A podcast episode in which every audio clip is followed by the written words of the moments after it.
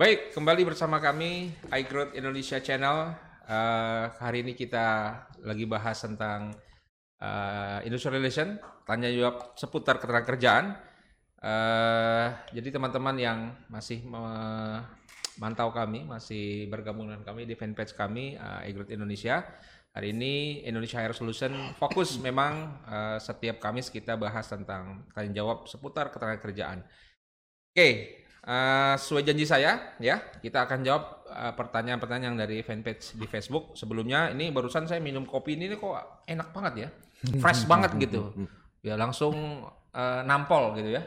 Oh ternyata mereknya Fresh and Frost. Wah wow, keren juga nih Fresh and Frost. Ini mungkin maksudnya frost itu apa, uh, apa namanya frozen ya? Frozen. Jadi kapan pun kapan pun kita bisa nikmati ini uh, fresh terus karena kita taruh di lemari es.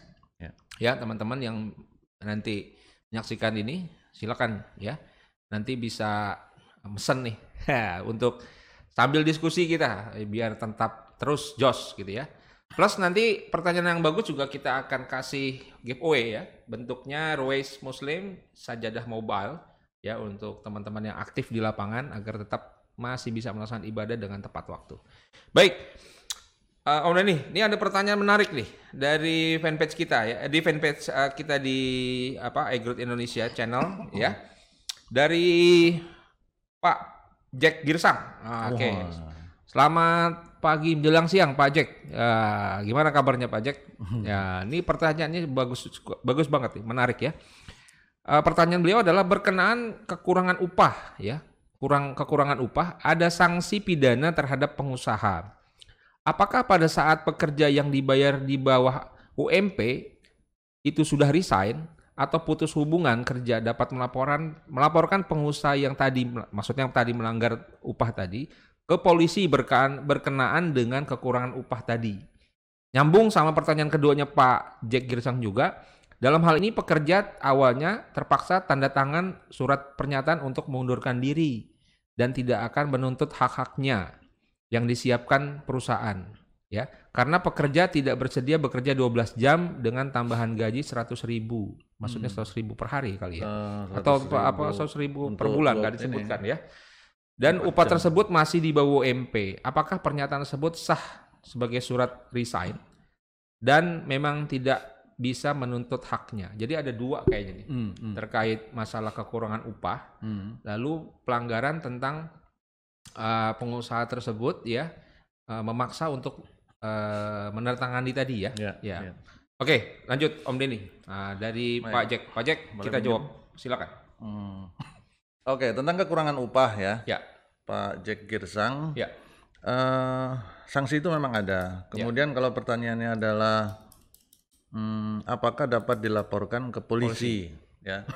Jadi begini, kalau di dalam perundangan ketenaga kerjaan kita melihat adanya uh, adanya sanksi pidana seperti ya. hukuman apa namanya pidana pidana denda, pidana penjara dan sebagainya, pidana kurungan. Ya. itu bukan berarti kita langsung lapornya ke polisi. Ya. Karena e, nanti e, ada yang namanya e, apa proses e, proses itu si pegawai pengawas misalkan. Ya. Pegawai pengawas tenaga kerjaan itu me, e, dia berfungsi juga sebagai penyidik e, petugas penyidik sipil apa ya kalau nggak salah istilahnya begitulah. ya. ya. Nah, Kemudian uh, kita masuk ke uh, tentang masalah kurang bayarnya. Kurang bayarnya, tidak sesuai UMP. Ya, yang saya sarankan apabila terjadi kekurangan pembayaran upah, baik itu karena UMP-nya uh, eh, upah minimumnya tidak dipenuhi, ya. atau mungkin karena uh, ada pemotongan yang tidak resmi barangkali ya. ya Uh, kekurangan pembayaran upah ini saya sarankan untuk melakukan pengaduan atau apa namanya keberatannya hmm. itu melalui prosedur eh, PPHI penyelesaian perselisihan hubungan industrial Masih. menurut Undang-Undang 2 2004. Yeah. Di mana pertama melalui bipartit kemudian ke mediasi yaitu ke Dinas Tenaga Kerja. Hmm. Jadi pengaduannya dibuat ke sana. ya atau dilaporkan kepada pegawai pengawas ya. pegawai pengawas ketenaga kerjaan yang ada di uh, setiap disnaker ya. di uh, lokasi kerja kita masing-masing jadi ke sana uh, saya tidak tahu bagaimana uh, apa namanya kira-kira respon kalau uh, ke polisi misalkan ya hmm. um, di dalam beberapa kasus di luar sana yang saya pernah dengar ya Uh, itu kalau dari pihak kepolisian mereka mereka kadang suka bertanya ini kan urusannya hukum ketenaga kerjaan. Ya jadi selesaikan dulu di sana. Hmm. gitu. Uh, tapi saya nggak tahu sekarang bagaimana. Apakah mungkin polisi sudah bisa langsung bertindak? Saya nggak tahu. Hmm. saya tidak mengikuti perkembangan itu. Tapi yang saya tetap sarankan kepada teman-teman semua proses keberatan atau uh, pengaduannya itu sebaiknya ikutin prosedur uh, di Undang-Undang 2 2004 ya. itu melalui disnaker ya melalui disnaker. Pertanyaan tadi uh, meskipun dia sudah keluar gitu ya? Ya, meskipun sudah keluar masih bisa nggak dia menuntut? Masih, ini? masih bisa. Tidak ada ini ya, tidak ada batas daluarsanya ya? Baik, batas kedaluarsa kalau teman-teman ketahui di Undang-Undang 13 versi aslinya, versi asli itu berarti yang waktu di, dikeluarkan ya. diundangkan tahun 2003, di sana ada dua pasal tentang kedaluarsa. Ya. Yang pertama kadaluarsa tentang PHK, yang ya. kedua kadaluarsa tentang tuntutan kekurangan pembayaran upah. Ya. Nah, eh, kedua-duanya saya lupa tahunnya itu sudah dinyatakan tidak memiliki kekuatan hukum mengikat oleh hmm. eh, Mahkamah Konstitusi. Ya. Sehingga sekarang sudah tidak ada lagi masa kadaluarsa. Okay. Saya lupa tahunnya ya, tapi eh, sejak tahun itu hmm. tidak ada lagi kadaluarsa. Ya. Sehingga meskipun dia sudah keluar, hmm. uh, apabila dia merasa masih ada kekurangan pembayaran dari hmm. perusahaan terhadap si karyawan, hmm. karyawan tetap memiliki hak ya. untuk menuntutnya, mengajukan ya. keberatan atau ya. pengaduan dan sebagainya. Ya. Begitu Pak Abi. Baik, uh, terjawab ya. Uh, Pajak Girsang, jadi prosedural prosedural dulu ya tadi yang Pak Om Denny sampaikan uh, tidak langsung ke polisi tetapi ke petugas pegawai pengawas. pegawai pengawas ya. Nanti yang jelas tidak ada daluarsanya hmm. ya. Nah nanti bagaimana prosedur selanjutnya setelah itu nah nanti tahapan itulah yang harus kita tempuh. Baik uh, sambil kita nunggu pertanyaan berikutnya dari fanpage kita balik lagi ke pertanyaan yang belum terjawab di sesi-sesi berikutnya.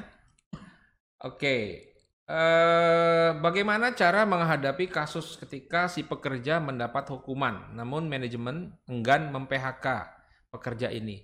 Tetapi justru manajemen malah menyuruh si pekerja ini untuk resign. Wow, diapain tuh ya? Dibujuk, dirayu. Dan kebetulan perusahaan tersebut belum ada serikat pekerjanya. Wah, ini caranya gimana nih? Ayo dong gitu ya. Ayo dong resign deh, resign deh. Lu resign kalau lu resign keren deh gitu ya. lu makin cakep deh. gitu. ya, jadi nah kayak ya seperti itu ya bagaimana cara menghadapi kasus ketika si pekerja mendapatkan hukuman namun manajemen enggan mem-PHK pekerja ini. Intinya ya. pelanggaran ya, adanya ya. pelanggaran. Ya. ya. Baik.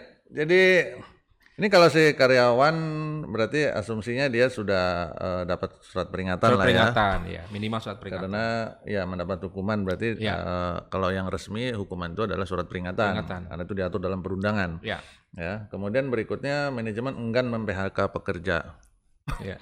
Uh, jadi sebenarnya memang kalau kita lihat teman-teman di dalam pasal 161 di Undang-Undang 13 2003 hmm. itu uh, tentang surat peringatan. Hmm. Kalau dalam masa berlakunya surat peringatan ketiga, si karyawan masih melakukan pelanggaran, pelanggaran. lagi, ya. maka kepada yang bersangkutan perusahaan dapat melakukan PHK, ya kan? Hmm. Nah, e, kalau dalam pertanyaan ini perusahaan males atau nggak mau hmm. melakukan PHK, hmm. aku nggak mau lah PHK si Denny. Uh, rugi aku nanti aku yang bayar lagi iya, kan gitu. pesangon. buat pesangon dong enak banget kan gitu ya, ya. Padahal pasal 161 memang mensyaratkan demikian. Ya. ya. Maka yang dilakukan adalah, wah kalau gitu bujuk aja dia supaya resign. ya kan? Bujuk secara halus atau secara kasar. Dimarahin, dibentak-bentak, hmm. dipancing emosinya. Di prank gitu ya. Uh, di prank. ya, kamu saya promosi deh nih, tapi bohong gitu kan. Nah, nah itu itu uh, untuk membuat dia malu dan sebagainya kamu saya kasih mobil dinas, uh. tapi bohong gitu. ya. Nah, yang hal seperti itu dilakukan misalkan atau dengan cara yang macam-macam. Nanti yeah, saya yeah, akan iya. ceritakan salah satu contoh kasus yang menarik yang pernah terjadi dan saya lihat sendiri. Yeah. Ya, uh, tetapi Intinya proses atau kegiatan yang dilakukan oleh oknum perusahaan ini hmm. adalah sesuatu yang tidak benar. Ya. Dia diarahkan kepada resign. Hmm. Uh, andaikan akhirnya si karyawan tersebut hmm. dalam keadaan tertentu, terpaksa dan sebagainya tertekan dia menandatanganinya, maka resign yang dimaksud di sana itu menjadi hmm. cacat hukum. Ya. Wah, menarik nih cacat hukum. Hati-hati nih gitu kan. Maksudnya apa? Begini teman-teman, kalau teman-teman melihat dasar hukumnya resign atau mengundurkan diri dalam Undang-Undang ya. 13, itu kan ada di dalam pasal 162. Pasal 162 Undang-Undang 13 di sana sudah mengatur tentang mengundurkan diri. Hmm. Lebih jauh silahkan dilihat ke dalam penjelasan pasal 162-nya. Ya. Di sana ada kata kunci. Kata kuncinya di samping masalah prosedurnya 30 hari, tetap menjalankan kewajiban, tidak terikat dalam ikatan dinas. Itu ada satu kata kunci yang ada dalam penjelasannya bilang bahwa e, mengundurkan diri adalah sukarela. Sukarela. Suka dan rela, rela. gitu loh.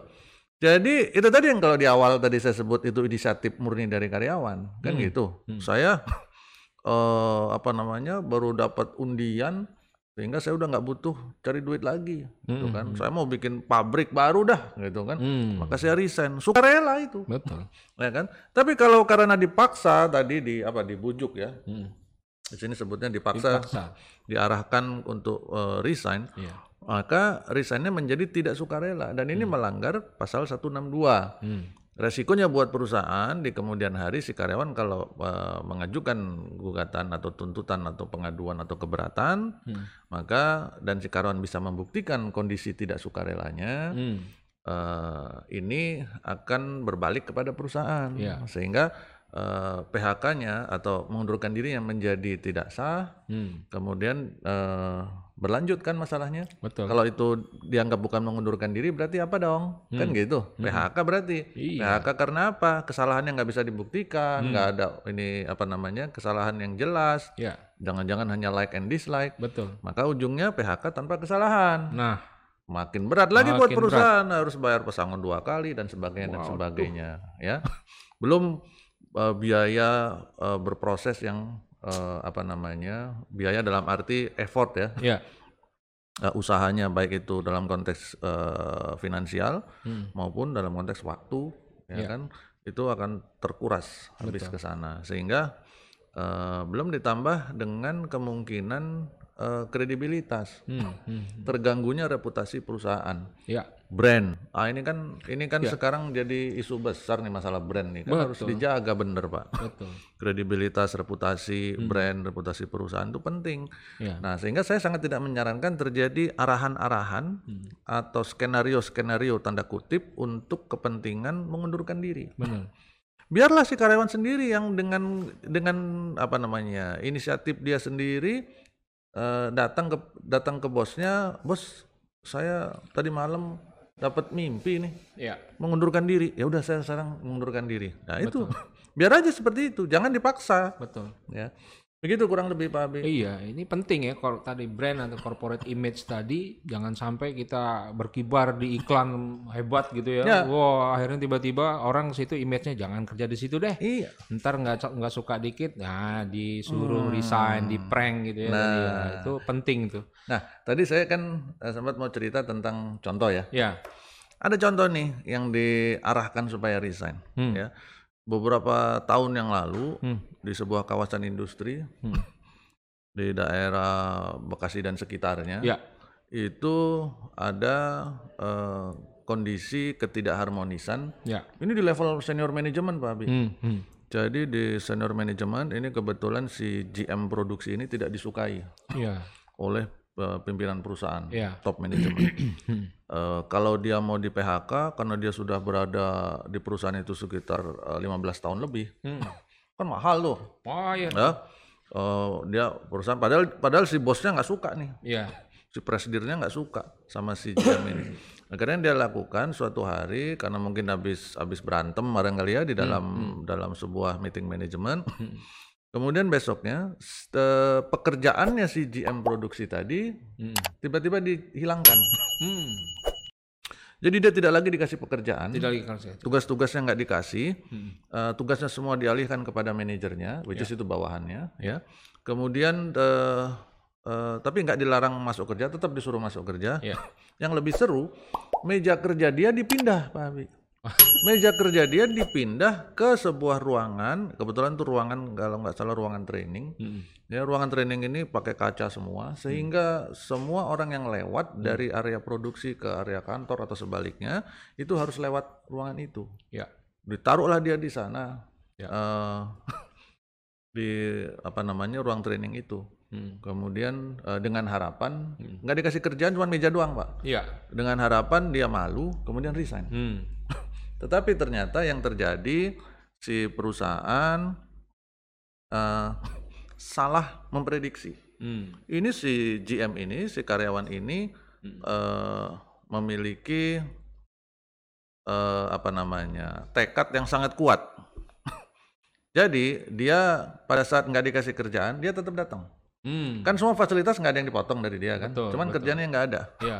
Dia datang nggak dikasih meja di tempat di ruang dia, dia dipindah ke ruang lain, dia datang ke sana. Dibikin nggak betah lah ini. Uh, uh. Kemudian dia nggak dikasih komputer di sana nggak masalah, dia bawa hmm. laptop sendiri. Ya. Kemudian yang dia lakukan Pak Abi, hmm. ternyata dia uh, ya sudah dia nggak boleh kerja, dia bawa Quran. Dia hmm. ngaji di situ pak. Ya, ya, oh, ya, ngaji ya. Udah gitu terus dia juga buka laptop nggak dikasih sambungan ke wifi, dia pakai wifi sendiri, dia searching atau belajar atau baca dan sebagainya. Termasuklah itu tadi ngaji. Ya. Beberapa hari dilakukan, uh, si top manajemen menunggu ya, ya, ya. ceritanya supaya dia resign. Enggak juga resign. Di sisi lain setelah masuk minggu kedua, hmm. mulai terjadi keresahan di karyawan kan. Hmm, hmm. Ini apa-apaan nih manajemen kayak gini hmm. dan sebagainya. Akhirnya di akhir bulan, nggak sampai sebulan pak. Hmm akhirnya si top manajemen si presiden menyerah hmm. akhirnya sudah deh gue PHK deh dibayarin hitungannya ya kan nah ini adalah sebuah praktek yang nggak benar gitu hmm. bersyukur si GM tadi memilih untuk menerima ya, dengan ya. legowo dan hmm. tidak mempermasalahkan Salahkan. lagi. Kalau dia mempermasalahkan bisa dia tarik ke mana-mana kan, Betul. pencemaran nama baik, baik lah dan sebagainya. Iya. Dia bisa tarik ke mana-mana. Iya. Tapi dia nggak lakukan itu. Iya.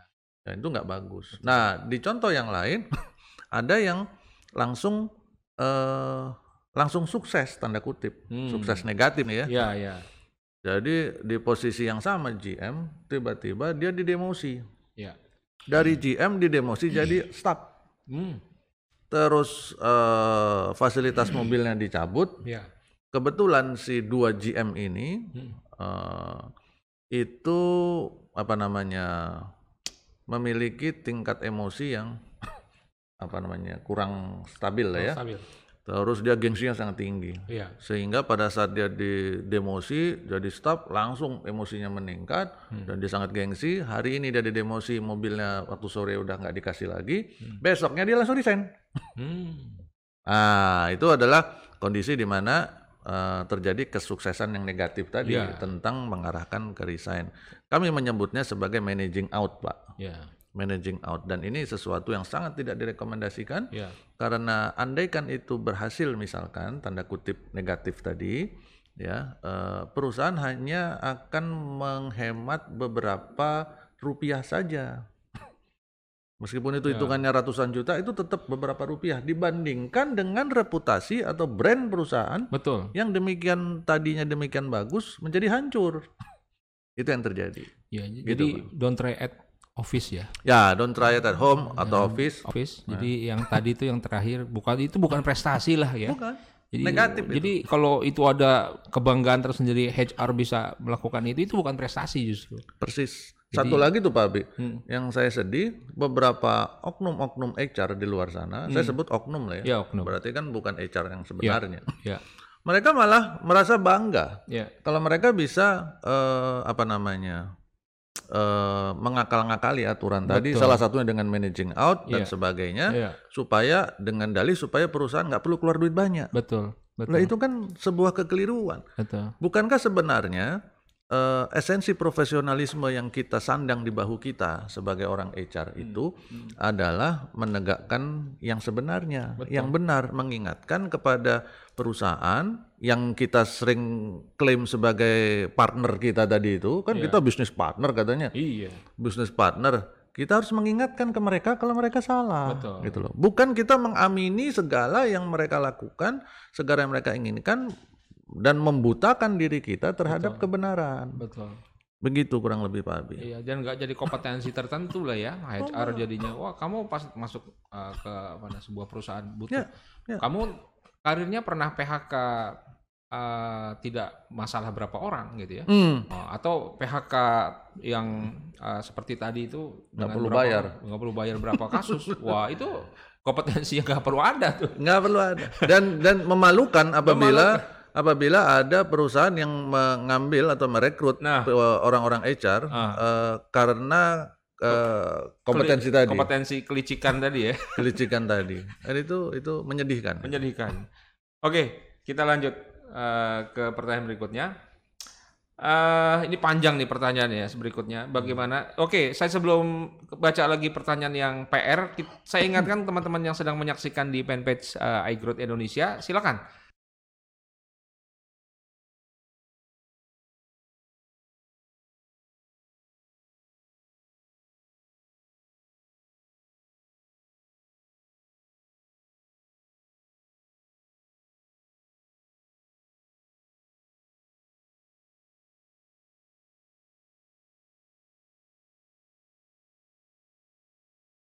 yang ada.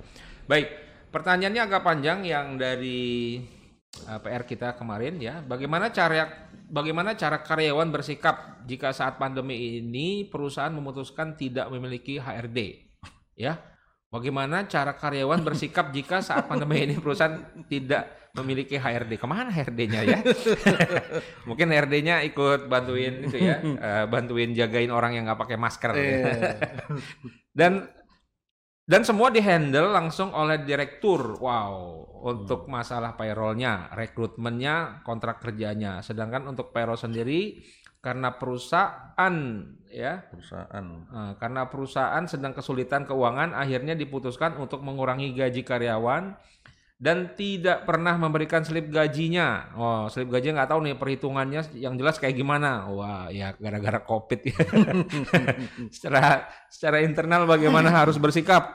Apakah perlu melibatkan eksternal? Maksudnya pihak-pihak tertentu tadi ya, ah, misalnya mediasi dari hmm. dari apa namanya dari disnaker atau apa mungkin ya eksternal dan kami uh, sebagai karyawan harus uh, ke mana Uh, harus jangan yang penting jangan ke rumah sakit pak. Nah. nggak ketemu solusinya. nggak ketemu solusinya. Oke oke. Uh, lanjut. Baik. Uh, apabila dalam pandemi ini perusahaan memutuskan tidak memiliki HRD ya. Ya uh, memutuskan tidak memiliki HRD jadi Pertama keputusan untuk memiliki atau tidak memiliki HRD memang ada di tangan si uh, perusahaan itu sendiri. Dalam hal ini si direkturnya lah ya. Kalau ini ya. buat pimpinan pimpinan tertinggi adalah direktur. Hmm. Terserah direkturnya atau terserah yang punya perusahaan. Kalau ya. dia nggak mau pakai HR juga itu nggak salah juga, gitu ya. kan? Ya. Nggak salah juga karena uh, eh, HR itu tidak wajib ada ya. di dalam sebuah perusahaan. dia tidak wajib ada. Yang wajib adalah penegakan aturan. Ya Meskipun HR-nya secara fisik atau secara organisasi tidak ada di dalam tidak ada di dalam sebuah perusahaan, bukan berarti hukum ketenaga kerjaan tidak Gak berlaku. Ada, betul. Itu tetap berlaku. Tanggung jawabnya justru uh, masuk ke akan ditanggung oleh si direktur hmm. tadi. Hmm. Hmm. Jadi nggak usah khawatir, teman-teman sekalian.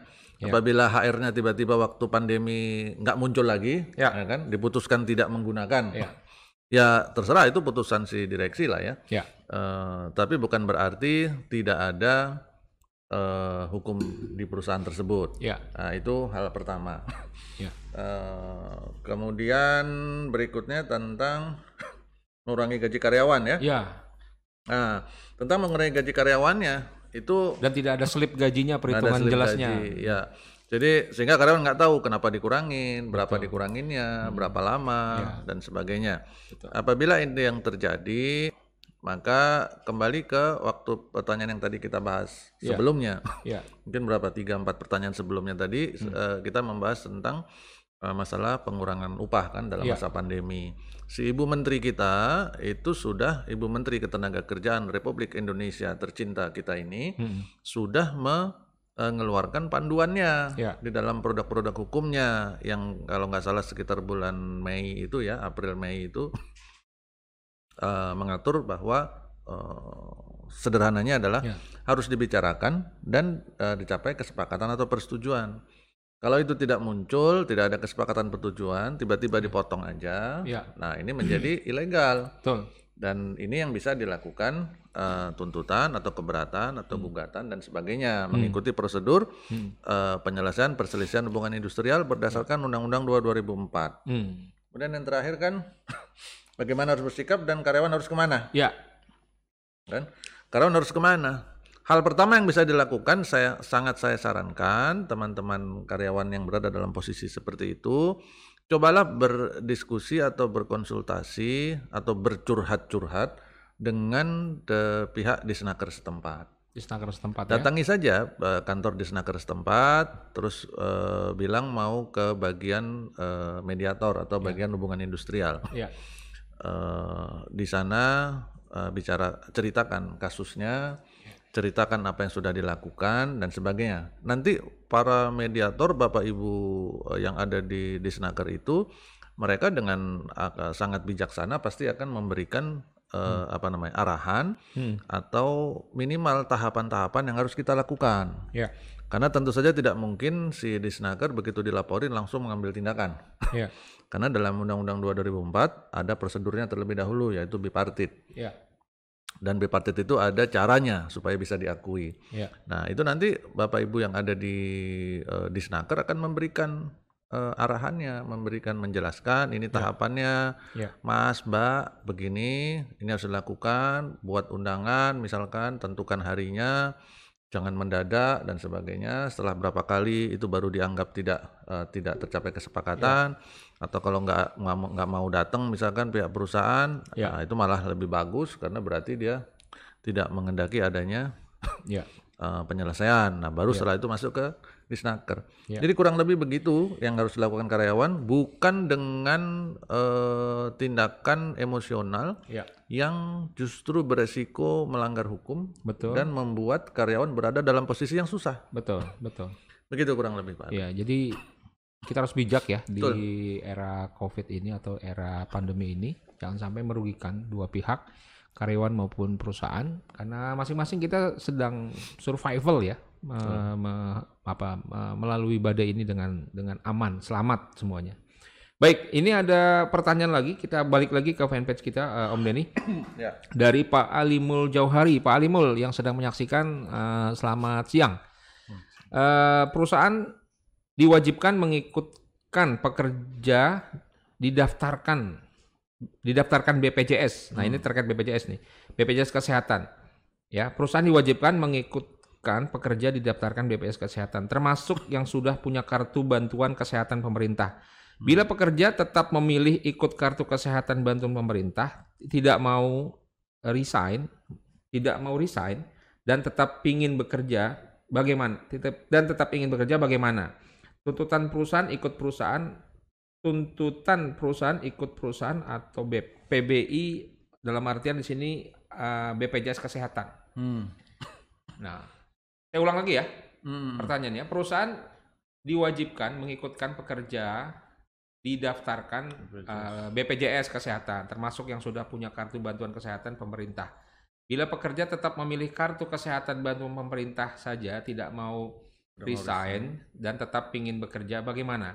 Tuntutan perusahaan ikut perusahaan atau PBI? Uh, eh, maksudnya hal ini ya, BPJS ya. Kesehatan. Oke, jadi kayaknya dalam cerita ini, dalam pertanyaan ini si karyawan karena tidak mau lepas dari lepas PBI, dari, betul.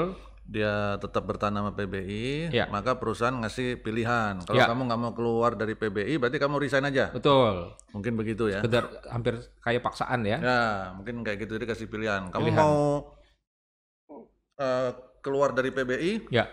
atau mau tetap bekerja sini atau ya. uh, kalau nggak mau keluar PBI keluar aja dari perusahaan hmm. itu barangkali betul betul nah uh, langkah yang ditempuh memberikan pilihan seperti ini menurut saya bukan bukan langkah yang bijaksana ya. Uh, terutama apabila ini dilakukan oleh HR atau hmm. manajemen atau pimpinan yeah. perusahaan. Yeah. Ini menunjukkan uh, maaf ya Pak Abi, ini yeah. menunjukkan uh, tingkat kedewasaan yang sangat rendah. Hmm. Karena uh, menyelesaikan sebuah masalah dengan masalah. nah, itu it, it, itu yang tidak benar. Eh sorry, itu yang menarik. Itu menarik. menyelesaikan masalah dengan masalah yeah. ya nah, ini yang nggak benar gitu loh ini yang menarik gitu loh yeah. karena seharusnya kalau punya masalah masalahnya kan sebenarnya menurut saya bukan masalah yang berat yeah. masalahnya itu si karyawan sudah punya uh, apa namanya PBI, PBI tadi ya kemudian di sisi lain perusahaan uh, lagi mau mendaftarkan semua ke BPJS kesehatan yeah. uh, perusahaan juga benar dalam konteks itu karena itu yeah. kewajibannya terus si karyawan dia bertahan sama itu nggak mau ikut perusahaan yeah. mungkin khawatir yeah. nanti kalau ada audit dari BPJS atau dari Disnaker saya kena mungkin betul, itu khawatiran betul, perusahaan betul. kan yeah. uh, mereka khawatir jadi mereka harus agak maksa yeah. nah cara mempengaruhi itu menjadi uh, ternyata dalam konteks pertanyaan ini menjadi masalah baru betul jadi seharusnya dilakukan perusahaan kalau saran saya ya buat teman-teman kalau karyawan kita uh, sudah disampaikan bahwa ikut serta dalam BPJS Kesehatan adalah kewajiban ya. dan pada saat dia sudah bekerja itu uh, harusnya menjadi tanggungan perusahaan ya. dan perusahaan siap untuk menanggung itu. Ya.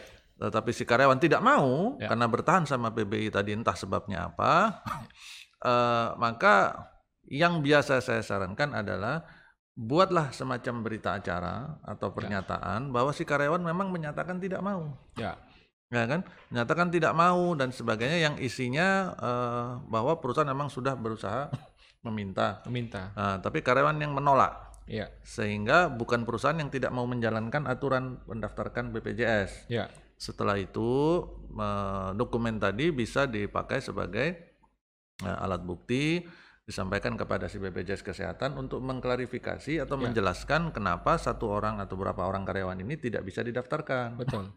tidak ikut meskipun dia terdaftar sebagai karyawan. Ya. Sehingga beban tanggung jawabnya diharapkan bisa berpindah atau tidak uh, apa namanya mengurangi resiko yang ada di perusahaan ya.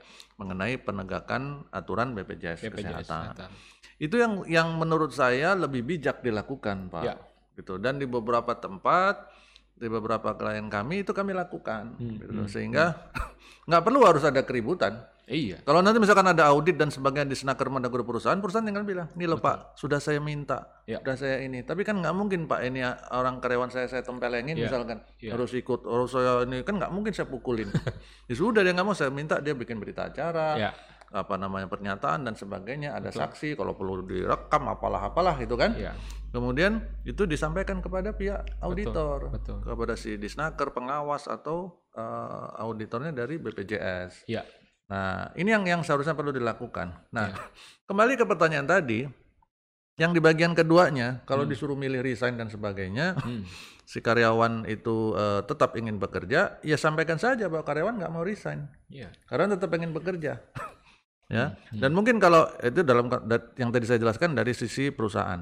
Kalau si karyawan, dari sisi karyawan kalau memang dia pengen tetap bekerja, mungkin sampaikan kepada si perusahaan bahwa saya memahami aturan BPJS-nya, tapi saya uh, lebih memilih untuk menggunakan PBI misalkan. Betul. Uh, saya nggak keberatan Pak membuat surat pernyataan dan sebagainya, ya. sehingga perusahaan tidak terkena ya. uh, resikonya. Ya. Nah itu buat sehingga ya. tercapailah penyelesaian. Betul. Ya kan? Tapi kalau keduanya sama-sama kontok-kontokan seperti ini, betul. Itu membuat uh, tadi yang saya bilang menyelesaikan masalah dengan, dengan masalah. masalah. Iya. Nah, akhirnya jadi tergeret-geret ke masalah resign kan? Ya. Resignnya jadi... menjadi nggak sah kan? Betul. Karena resign kok dipaksa. Terus panjang tuh ya. Nah, ke mana-mana nanti ujungnya ya, gitu. Kayak coki-coki. Ya. Nah, baik. Jadi begitu kurang lebih Pak Abi. Iya, jadi nggak perlu lah ya. Ini kan sebenarnya masalah hal yang umum ya, sederhana. Ya. Ya. Terus disikapi dengan yang berlebihan. Betul. Akhirnya akan timbul masalah baru dan hukum kasus hukum baru gitu. Betul. Itu yang nggak perlu. Jadi bijak ya. Sekali lagi -hmm. bijak dalam melahirkan sebuah keputusan keputusan. Mm-hmm. Uh, ini lumayan banyak nih uh, pertanyaan-pertanyaan yang yang baru muncul lagi di fanpage kita. Tapi sebelumnya uh, sambil ya sebelum kita jawab nanti di uh, apa pertanyaan yang baru muncul di fanpage kami, Uh, ini juga tayang di YouTube kami ya, iGrow Indonesia. Teman-teman yang sedang menyaksikan, silakan subscribe YouTube kami uh, agar kita terus bisa berkomunikasi terus ya dan kita akan uh, apa namanya bisa berdiskusi setiap minggunya untuk kasus-kasus uh, hukum kena kerjaan. Baik, kita break dulu untuk uh, apa yang mau lewat, tapi nanti ada Pak Andri Kusuma dan lain-lain yang kita akan jawab pertanyaan yang uh, berikut. Yang mau lewat silakan.